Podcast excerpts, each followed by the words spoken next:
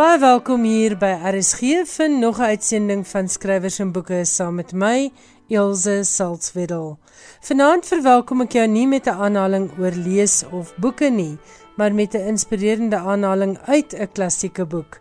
In Tolkien se The Two Towers sê Gandalf: "Daar's nog steeds 'n bietjie goed in hierdie wêreld en dis die moeite werd om daarvoor te beklei." En ek wil by Gandalf se wyse woorde byvoeg deur te sê dis ook goed om te onthou van al die goeie mense en dinge daardie bietjie goed wat nog in ons wêreld is ten spyte van die slegte nuus wat ons nuus tans oorheers. So vasbyt en onthou hierdie tye gaan ook verby. Maar waarna kan jy uitsien vanaand hier op skrywers en boeke? Heel eerste aan die beurt is Gerda Taljard wat gaan praat oor haar nuwe roman Vier Susters. Ek gesels ook met Daniel Hugo, mede-samesteller van die versamelbundel Maskers en Mure. In die slypklas vir voornemende skrywers gesels kollega Ina Strydom vanaand oor die belangrikheid en die hoe en wat van die storielyn. Johan Meiburg vertel meer oor die Boekerprys se beoordelaars, die Edinburgh Boekfees en ook die werk van William Blake, die Britse digter wat maar min erkenning gekry het in sy eie lewenstyd. Ek hoop jy geniet vanaand se program en ek hoop jy is warm en veilig waar jy ook al na RSG luister. Dis of my heerlik om vir Gerda Taljaard hier by Skrywers en Boeke te verwelkom. Gerda is die skrywer van 'n kortverhaalbundel getiteld Maansiek, asook drie romans, 'n Engel in die Hoenderhok, Kelder en Die Laksman. Laasgenoemde het ook 'n kyknet rapportprys gewen. Maar vanaand gesels ons oor Vier Susters, haar vierde roman wat resensente en lesers gaande het. Goeienaand Gerda en baie welkom by Skrywers en Boeke.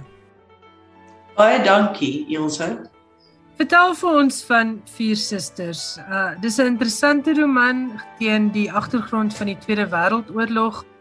Daar's Ossewa brandwagter sprake, daar's baie uiteenlopende susters. 'n Italiaanse krygsgevangene duik op in die roman.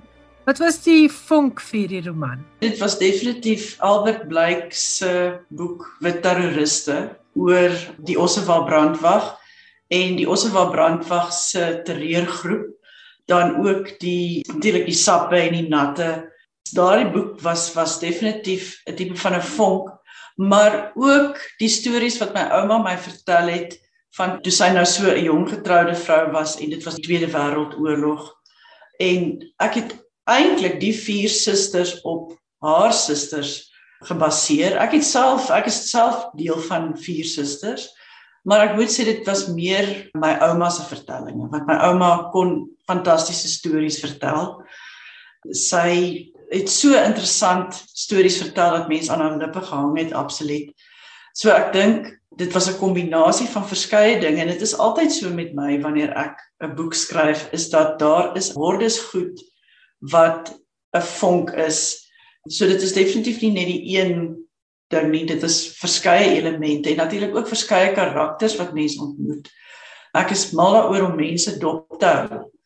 En dit is dan ook hoe ek dan karakters begin skets is deur eenvoudig net baie fyn op te let hoe mense optree, hoe mense praat en hoe hulle koppe werk.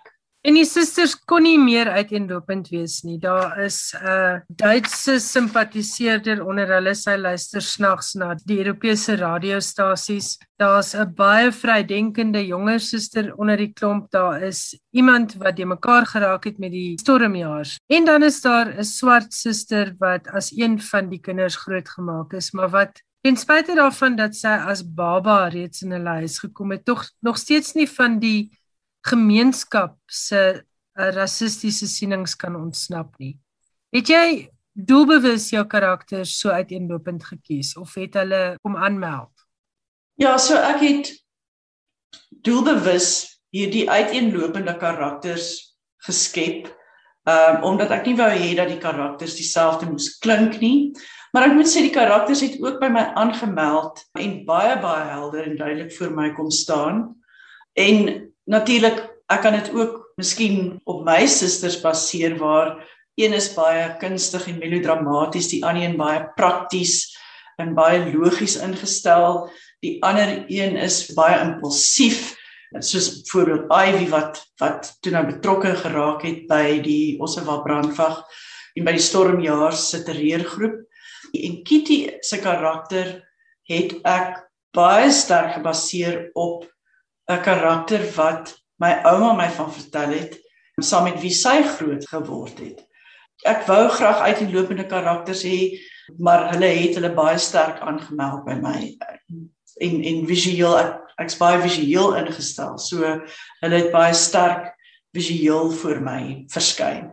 En ek het op 'n stadium begin met Ivy. Ivy was vir my op op 'n stadium die hoofkarakter en ek het met haar begin en ek het eintlik eers haar storie klaar vertel voor ek toe met die ander karakters begin het.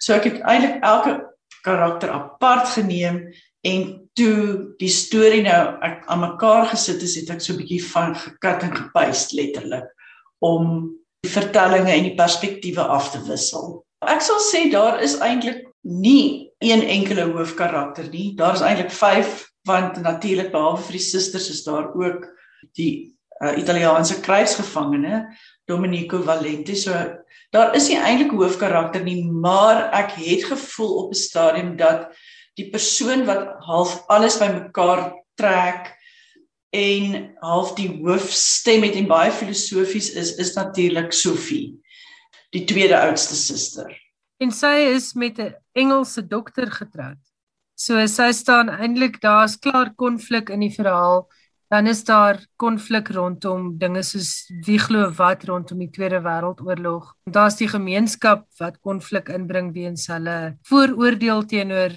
Katie en natuurlik dan hoor 'n polisieman van die krygsgevangene en hier kom nog konflik. Dit skep nogal baie natuurlike spanning, maar iets wat vir my as leser opgeval het, was die amper die onheil wat die omgewing gebring het. Dit speel af in Magubas Kloof. Die ruimte speel 'n baie belangrike rol. Dit reën dwars deur die roman. Dink jy as skrywer bewustelik aan iets soos ruimte wanneer jy begin skep? Ruimte is vir my ontsettend belangrik die ruimte word vir my ook 'n karakter, 'n meespeler in al die gebeure. Die omgewing of die milieu word vir my 'n psigologiese ruimte wat ontsettend betrokke is by die gebeure en natuurlik om atmosfeerskepping.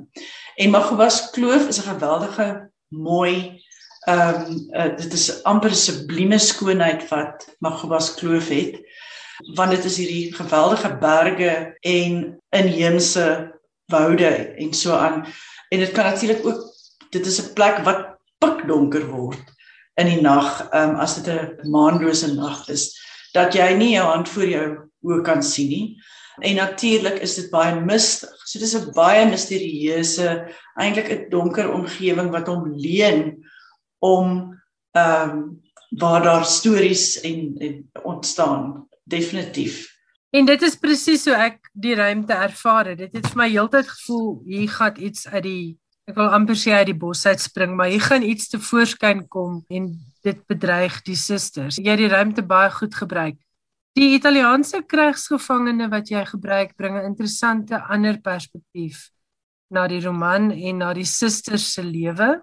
Was dit vir jou 'n uh, terloopse ontdekking Kyk maar Gobas Kloof het 'n geskiedenis waar daar in die 40er jare het van die Italiaanse krygsgevangenes is is so intoe geneem om te werk aan paaie en aan 'n uh, weet 'n spesifieke huis wat tot vandag toe bestaan en nou 'n gastehuis naamlik Casa Clavella.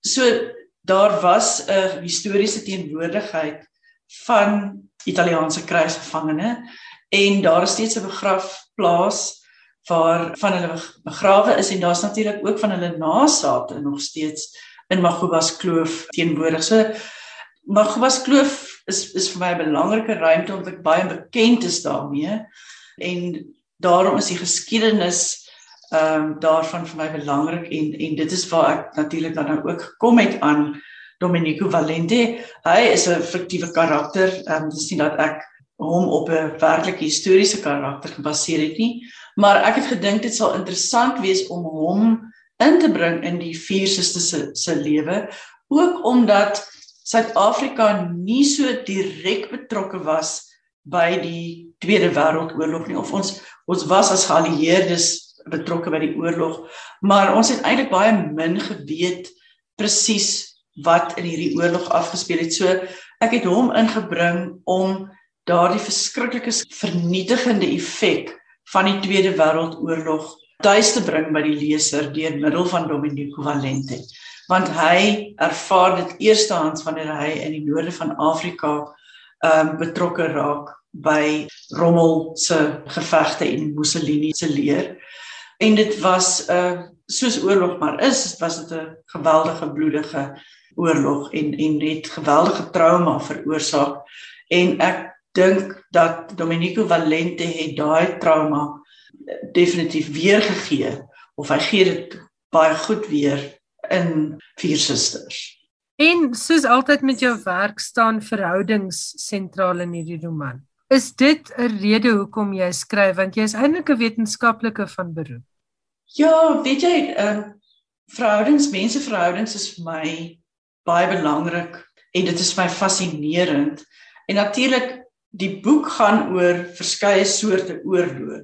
Natuurlik oor die Tweede Wêreldoorlog, maar dit gaan ook oor die Anglo-Boereoorlog, maar dit gaan ook tussen die stryd of die stryd tussen mense, die stryd tussen susters, tussen man en vrou. So daar's verskeie oorloë hier ter sprake, 'n oorlog in 'n oorlog, maar ook die stryd wat woed binne 'n karakter.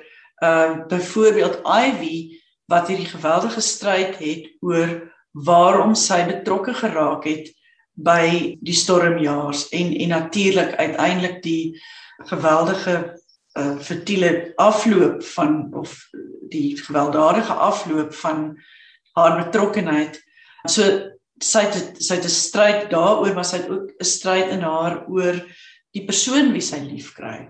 En Beatrice het weer 'n stryd omdat sy 'n baie ongelukkige huwelik gehad het wat gebaseer is eintlik dan maar op die verraad wat sy gepleeg het.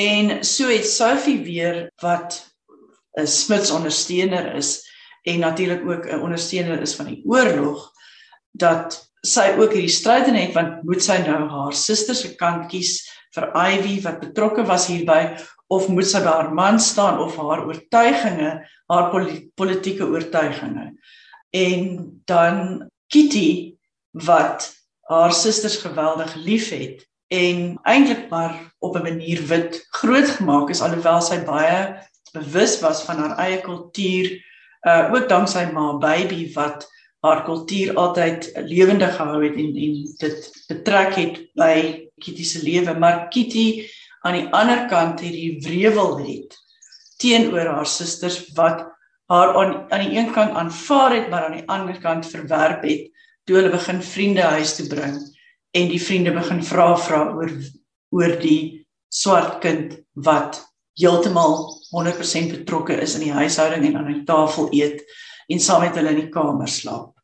Die voorblad is besonder opvallend. Uh, ek wil met jou daaroor gesels. Dit is 'n pragtige voorblad, maar dis iets heeltemal anders. Vertel vir die luisteraars van die voorblad. Ja, die die voorblad is 'n landskap wat baie lyk na 'n pierneef uh skildery, maar die skildery is op sy sy gekeer. So mense moet eintlik die boek op sy sy keer of omkeer om presies te sien wat op hierdie landskap gebeur. So die landskap wat lyk na 'n pierneef skildery het natuurlik baie te doen met die 1945 of die die 40er jare, ehm um, die Afrikaner nasionalistiese tipe idee van die kleure wat gebruik is in die skildery. Maar natuurlik is Domenico Valente ook 'n skilder. Op 'n stadium skilder hy dan die berge en op 'n stadium wonder hy hoe om hy, hy is nie seker hoe om berge te skilder nie en op die ou end word hierdie berge vir hom meer soos die kurwes van 'n vroue liggaam as wat dit eintlik 'n landskap is. So ja, dit is 'n dit is 'n lekker en 'n interessante omslag definitief. En soos jy voor ons op die lig gekom het gesê het, dit speel in op die aweregsheid van die roman wat 'n paar dinge heeltemal op sy kop keer. Ja, beslis word die hele tradisie van die plaasroman word op sy kop gekeer net soos soos die soos die voorblad of soos die landskap. En 'n hele paar ander dinge ook soos soos die briefroman uh ook die, die historiese roman daar's ook elemente amper van die idulle en ek dink die as mens byvoorbeeld dink aan Janie Eselje se se markie die idilliese plaasomgewing word naderhand onuithoudbaar as gevolg van natuurelemente. Eers is dit droogte, dan is dit ehm um, oorstromings en ehm um, ja, so daar's 'n hele paar van hierdie Afrikaanse literêre tradisies wat op sy kop gekeer word, soos die omslag. Dit was Gerda Taljard en sy het vanaand met my gesels oor haar vierde roman getiteld Vier Susters. Dis 'n roman wat 'n goeie balans tref tussen letterkundige roman vol dieper temas en 'n goed geskrewe lekker leesverhaal met onverwagte kinkels. Vier Susters word uitgegee deur Penguin Random House. Skrywers en boeke. Alles wat jy oor die boekewêreld wil weet en meer. Maskers en mure is 'n baie besonderse digbundel oor die COVID-pandemie en ook oor die inperkingstyd en al die dinge wat ons wêreld so kom omkeer het. Dit is saamgestel deur Daniel Hugo en François de Jong. Ek gesels nou met Daniel Hugo. Daniel, goeienaand en baie welkom by Skrywers en Boeke. Ja, baie dankie. Dis my ook lekker. Jy is die mede-samesteller van Maskers en Mure. Dit het onlangs verskyn by Turks 5 Publikasies. Om af te skop, gee vir ons so 'n bietjie meer agtergrond oor Turks 5. Turks 5 Publikasies is die baba van Marlene Malan en Hannes Visser. Hannes Visser is die redakteur van die Oudtshoorn Koerant. Waar het die idee vir Maskers en Mure ontstaan en hoe gaan mense te werk? met die samestelling van so 'n bundel. Ja, dit was eintlik die idee gewees van uh, François de Jong. Uh, hy is 'n digter wat daar in die 80er jare gedebuteer het met 'n bundel Klipsweet as ek die titel reg onthou en hy het toe 40 jaar gewag voordat 'n tweede bundel verskyn het so 'n jaar of 2 gelede. En uh, hy het toe met die idee gekom dat hierdie pandemie moet uh, ook gedokumenteer word in die poësie. Die koerante en die media is vol daarvan, maar daar is baie min gedigte daaroor geskryf en wat interessant is is daar was nou presies 100 jaar gelede ook so 'n groot epidemie gewees, 1918. En sover ek weet is daar nie 'n enkele Afrikaanse gedig daaroor geskryf nie, hoewel die koerante destyds natuurlik ook vol daarvan was. My oupa Grootjie byvoorbeeld het gesterf in daardie griepepidemie. So Frans wat die jong het gesê dit mag nie weer gebeur nie. Ons moet digters kry om oor hierdie unieke wêreldwye ervaring te skryf. Dit klink na 'n paradoks, maar dit is eintlik 'n unieke ervaring vir die moderne mens om so 'n groot pes, so 'n groot pandemie te belewe. Ek het toe aan die werk gespring op onder sy aanmoediging en uh, vir 100 gevestigde digters e-posse gestuur en te vra of, of hulle sal bydra.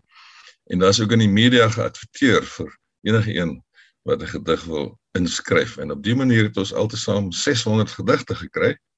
Gekeur is daartoe vir die bundel 80 van die gevestigde digters en die oorige 60 of 62 van minder bekende nie gebundelde digters. Dis baie interessant wat jy sê van die die Spaanse uh, dit was mos die Spaanse griep genoem word. Ja, hulle het die Spaanse griep genoem. Ja, ja die slag is met die Chinese griep. Ja. Ons mag dit sê nie. Maar dis baie interessant dat daar geen ehm um, digkuns daaroor in Afrikaans bestaan nie. Nou, dis is sommer 'n terloopse vraag, maar is dit opgeteken in in byvoorbeeld in die prosa van Afrikaans? Weet jy dalk? Dit weet ek ook nie. Ek ek twyfel. Daar was miskien uh, verhale en so in die tydskrifte destyds, maar in die kortverhaalbundels nee, ek twyfel sterk. Ek ken ook nie 'n roman wat daaroor handel nie. Nou dat jy dit noem, besef ek mense het eintlik nog nooit, ek het nog nooit 'n verhaal daaroor gelees nie. Ons het ja. ons het baie oor die Anglo-Boereoorlog. So daar is goed wat in 192 of tussen 1922 verskyn het, maar dis nie oor die oor die griep nie. Oor die Boereoorlog is natuurlik geweldig baie geskryf in Afrikaanse letterkunde van kort na die oorlog tot vandag nog. Maar oor die Eerste Wêreldoorlog is daar baie min geskryf. Mm. Uh, hier en daar 'n gedig en die griep het natuurlik gevolg net na die Eerste Wêreldoorlog. Dit het juis versprei omdat al die soldate toe na die oorlog huis toe gegaan het dwars oor die wêreld, ja. Hoe gaan 'n mens te werk met 600 gedigte se keuring? Wat was jou kriteria? Dis baie maklik om te sien of 'n gedig werk of nie werk nie. Jy hoef dikwels nie eers die gedig van voor tot agter deur te lees nie.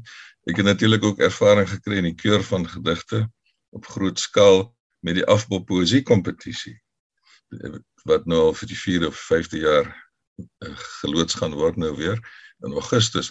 So mens sien begou of dig slag of nie slag nie. En en gelukkig was daar 'n onbeperkte ruimte eintlik bykans vir hierdie bundel. So daar was nie 'n kwota waarby ek moes my moes hou nie. Ek kon dus alle goeie gedigte wat ek ontvang het gebruik.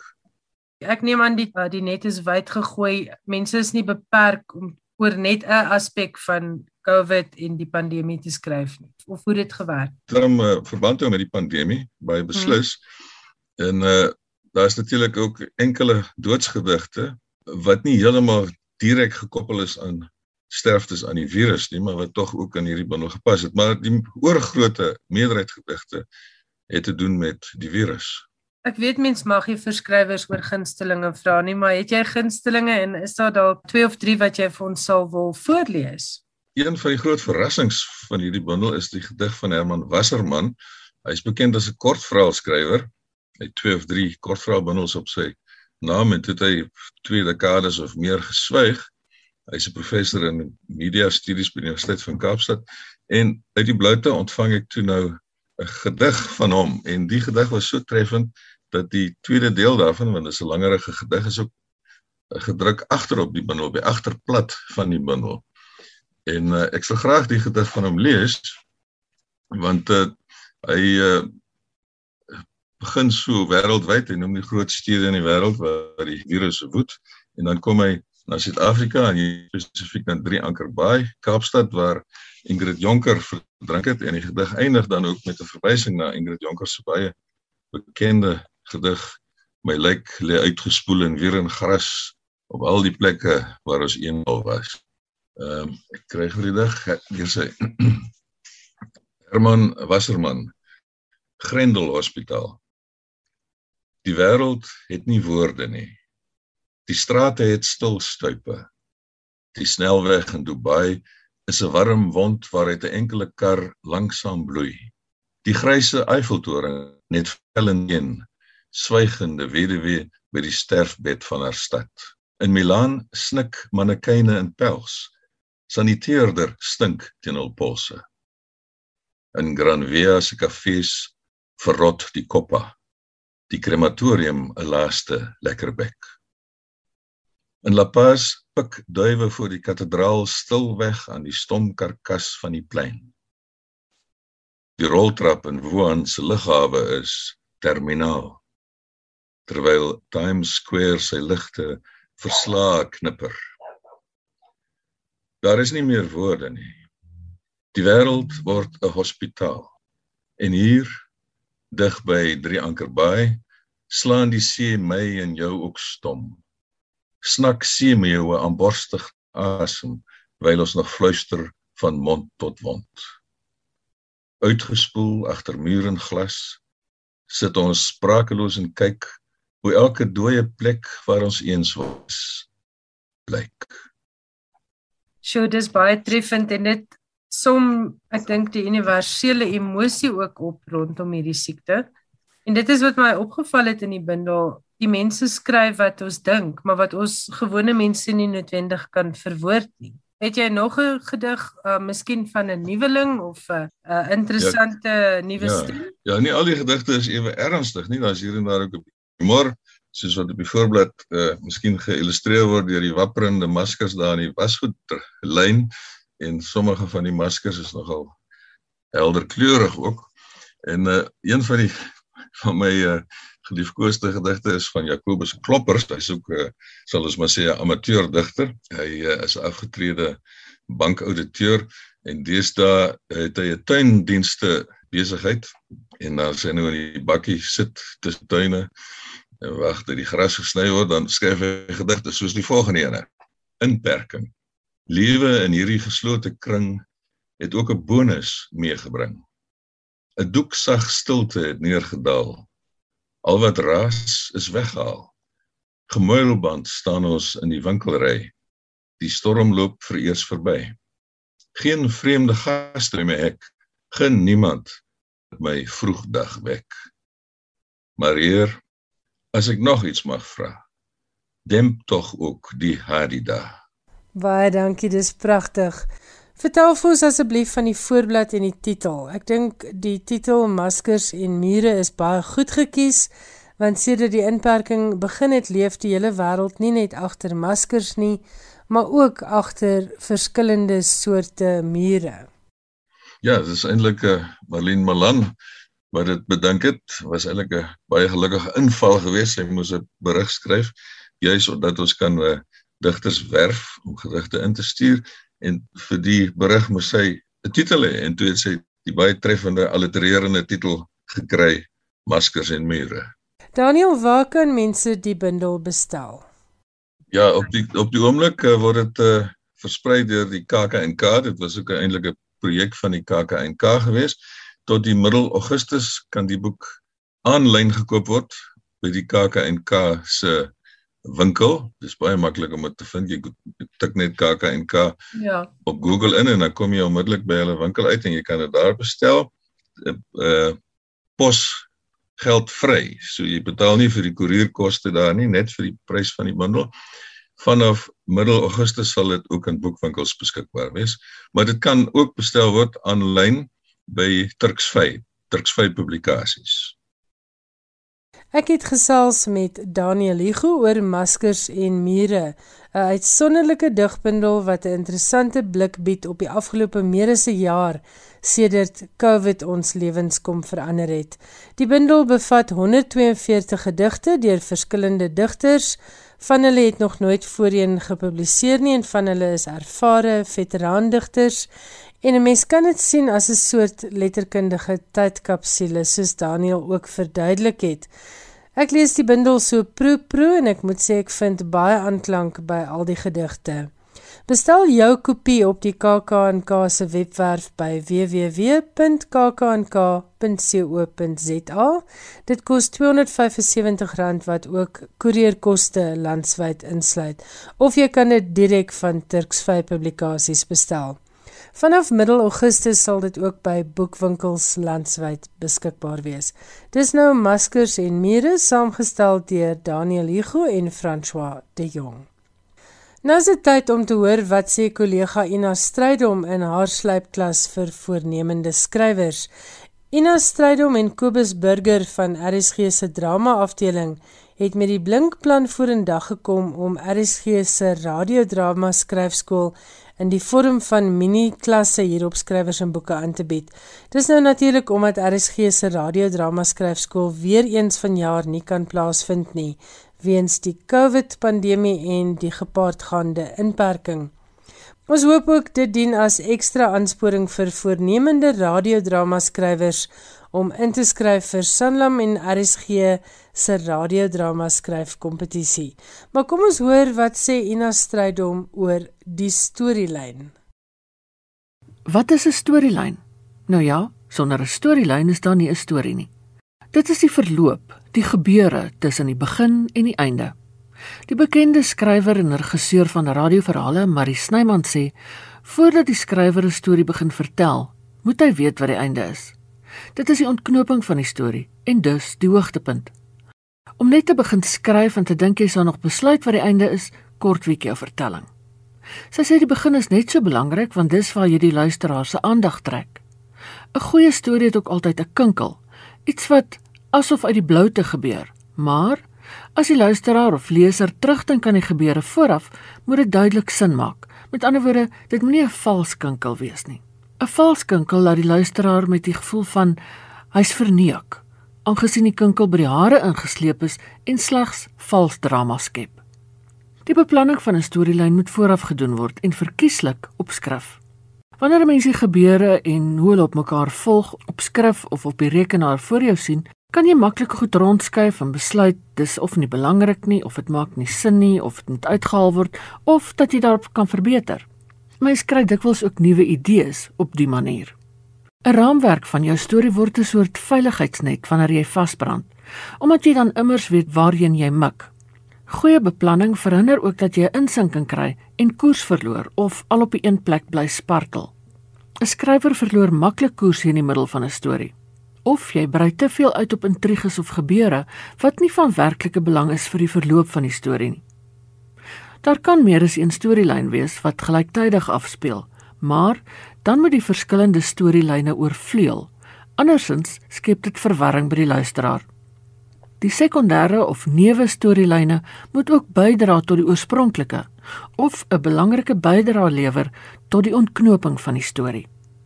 Beplanning help jou ook om uit 'n hoek te kom waarin jy jou kan vaskryf, omdat jy immers dan weet waarheen jy op pad is. 'n Te rigiede beplanning kan egter lei tot verveling by die skrywer self.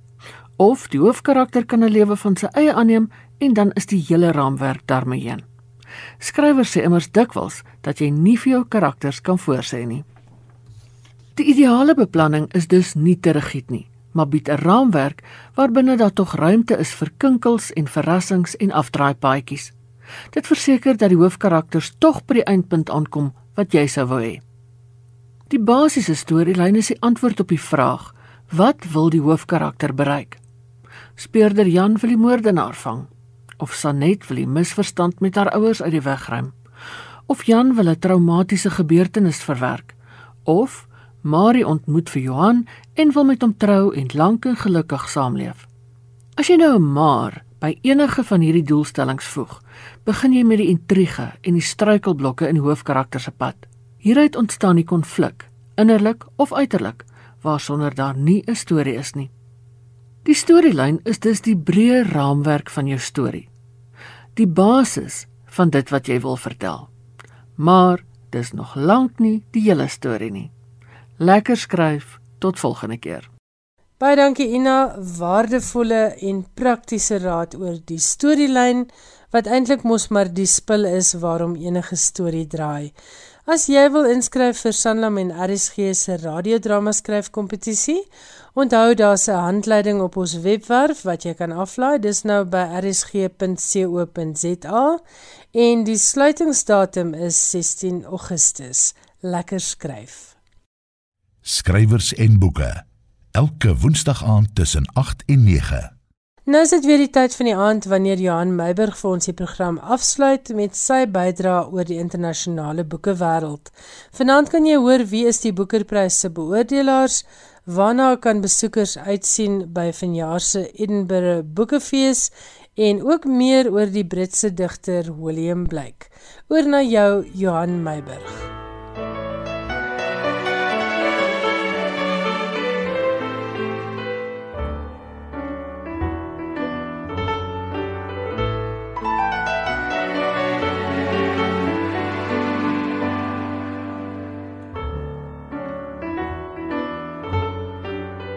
Die langlys van vanjaar se Boekerprys word die einde van die maand aangekondig en 'n mens vermoed die beoordelaars is druk besig om hulle lyste met gunstelinge om die prys te wen saam te stel.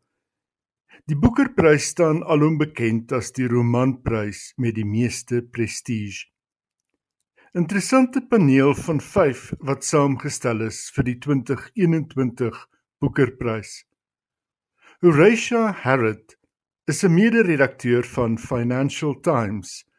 Sy was voorheen The Telegraph se boeke-redakteur. Natasha McElhone is 'n aktrise wat haar eerste rol gehad het in Merchant Ivory se Surviving Picasso van 1996. 'n Rolprent waarin sy die rol van François Gillot vertolk het teenoor Anthony Hopkins in die rol van Pablo Picasso. Daarna het 'n rits rolle in flieks en TV-reekse gevolg. Shigosi Obiama is 'n skrywer in sy twee romans The Fisherman van 2015 en An Orchestra of Minorities van 2019 was albei op die kortlys van die Boekerprys. Dr. Rowan Williams was van 2002 tot 2012 aartsbiskop van Kantelberg. Hy is 'n genoot van die British Academy en die Royal Society of Literature. Die sameroeper van die paneel, Maya Yasanov, is 'n geskiedenisprofessor by Harvard en skrywer van The Dawn Watch, Joseph Conrad in the Global World, 'n boek wat in 2017 verskyn het. In dieselfde jaar is die Wyndham Campbell Prys vir nuwe fiksie aan haar toegekend. Die longlys vir vanjaar se Boekerprys word op 27 Julie aangekondig en daaruit word die kortlys op 14 September aangekondig. Die wenner word gewoonlik vroeg in Desember bekend gemaak.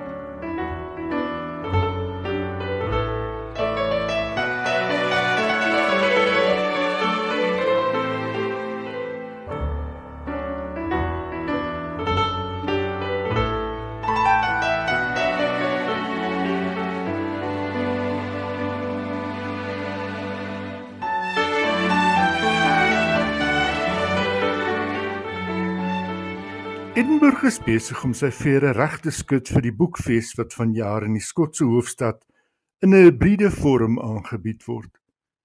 Die fees van 14 tot 30 Augustus word aangebied met die veelzeggende tema Onwards and Upwards: Ideas and Stories for a Changing World.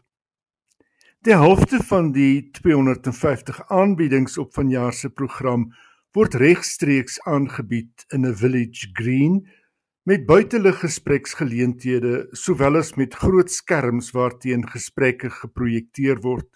Die ander helfte word aanlyn aangebied. Skrywers wat deelneem aan die fees sluit in Salman Rushdie, Kazuo Ishiguro, Bernardine Evaristo en ook verlede jaar se Boekerpryswenner Douglas Stewart. Ons bied 'n mengsel van Skotse en internasionale stemme, het Nick Bali, direkteur van die fees in 'n verklaring gesê. Ons rig onsself vanjaar in op die perseel van die Edinburgh College of Art waar ons 3 uitsaai ateljee's ingerig het in lokale waar ons 'n beperkte aantal besoekers kan ontvang. Die boekefees het nie verlede jaar plaasgevind nie.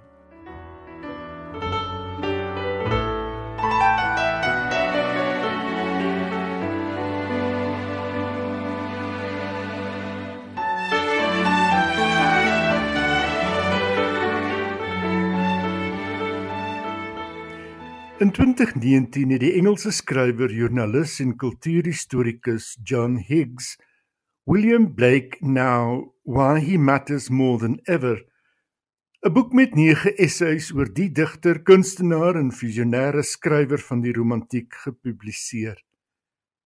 Skars 2 jaar later was Higgs gereed met 'n biografie oor William Blake wat pas by Orion Publishing verskyn het. Die boek heet William Blake versus the World.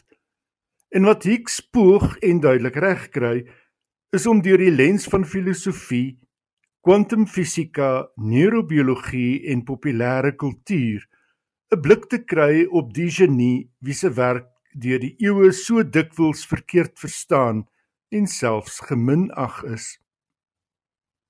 Hicks bied al die gegevens aan op 'n toeganklike en bevatlike manier. Sy mikpunt is nie om akademisie te bereik nie. In sy leeftyd van 1757 tot 1827 het blyk nooit die erkenning gekry wat sy vyf eweknieë Wordsworth, Coleridge, Byron, Shelley en Keats byvoorbeeld gekry het nie. Hy's dood sonder enige bekendheid. Wat hy wel op die lyf geloop het, was mense wat sy werk nie kon klein kry nie en hom uitgemaak het as van loetjie getik. Op 4 het blyk sy eerste visioen gehad. Die van God wat in 'n oop venster aan hom verskyn het. Hy het sy skoolonderrig van sy ma gekry. Hy was dus nooit formeel op skool nie. In sy pa se godsdienstbeoefening, hy was 'n Swedenborgiaan, het die jong blyk geleentheid gegee om sonder dogma en met 'n oopheid vir die mistieke groot te word. God, engele en demone het gereeld aan hom verskyn, en so ook die gees van sy broer Robert wat op 24 aan tuberkulose dood is. Sy vrou Catherine het by geleentheid opgemerk: "Ek sien min van my man. Hy is die hele tyd in die paradys." Deesdae word Blyk gereken as een van Brittanje se vernaamste en gerespekteerde digters. Met die nuwe biografie doen Hicks alles in sy vermoë om met behulp van konteks vir Blyk se eksentrisiteite ons 'n beter idee te gee van onsself en die wêreld waarin ons lewe. Hier lees die Walliese akteur Michael Sheen die bekende gedig The Tiger van William Blake voor. Die gedig is in 1794 gepubliseer in die bundel Songs of Experience.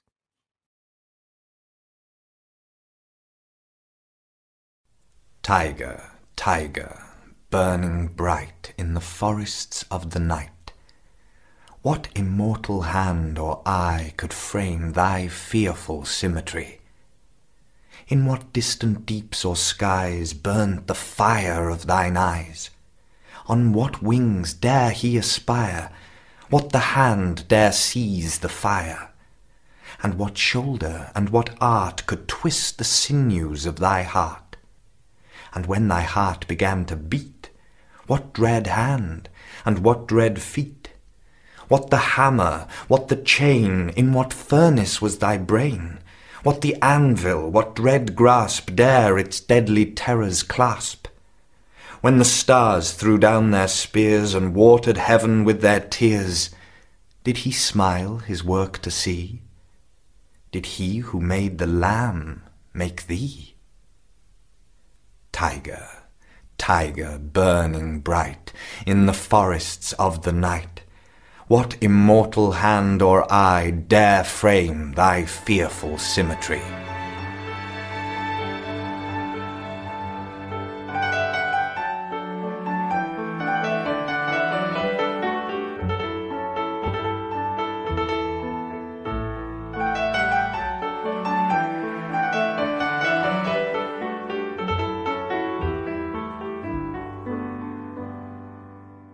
Jy het geluister na die stem van Michael Sheen. Hy het een van William Blake se gedigte voorgeles en dit was deel van Johan Meiburg se internasionale bydrae. daarmee het die tyd aangebreek om te groet. Baie dankie dat jy saam met ons gekuier het hier by Skrywers en Boeke. En volgende Woensdag aand is ek terug, dan gesels ek met die digter en letterkundige Fanny Olivier oor sy lang loopbaan. En ek gaan ook weer gesels met Daniel Hugo en hierdie keer oor die vertaalproses van Nederlands na Afrikaans.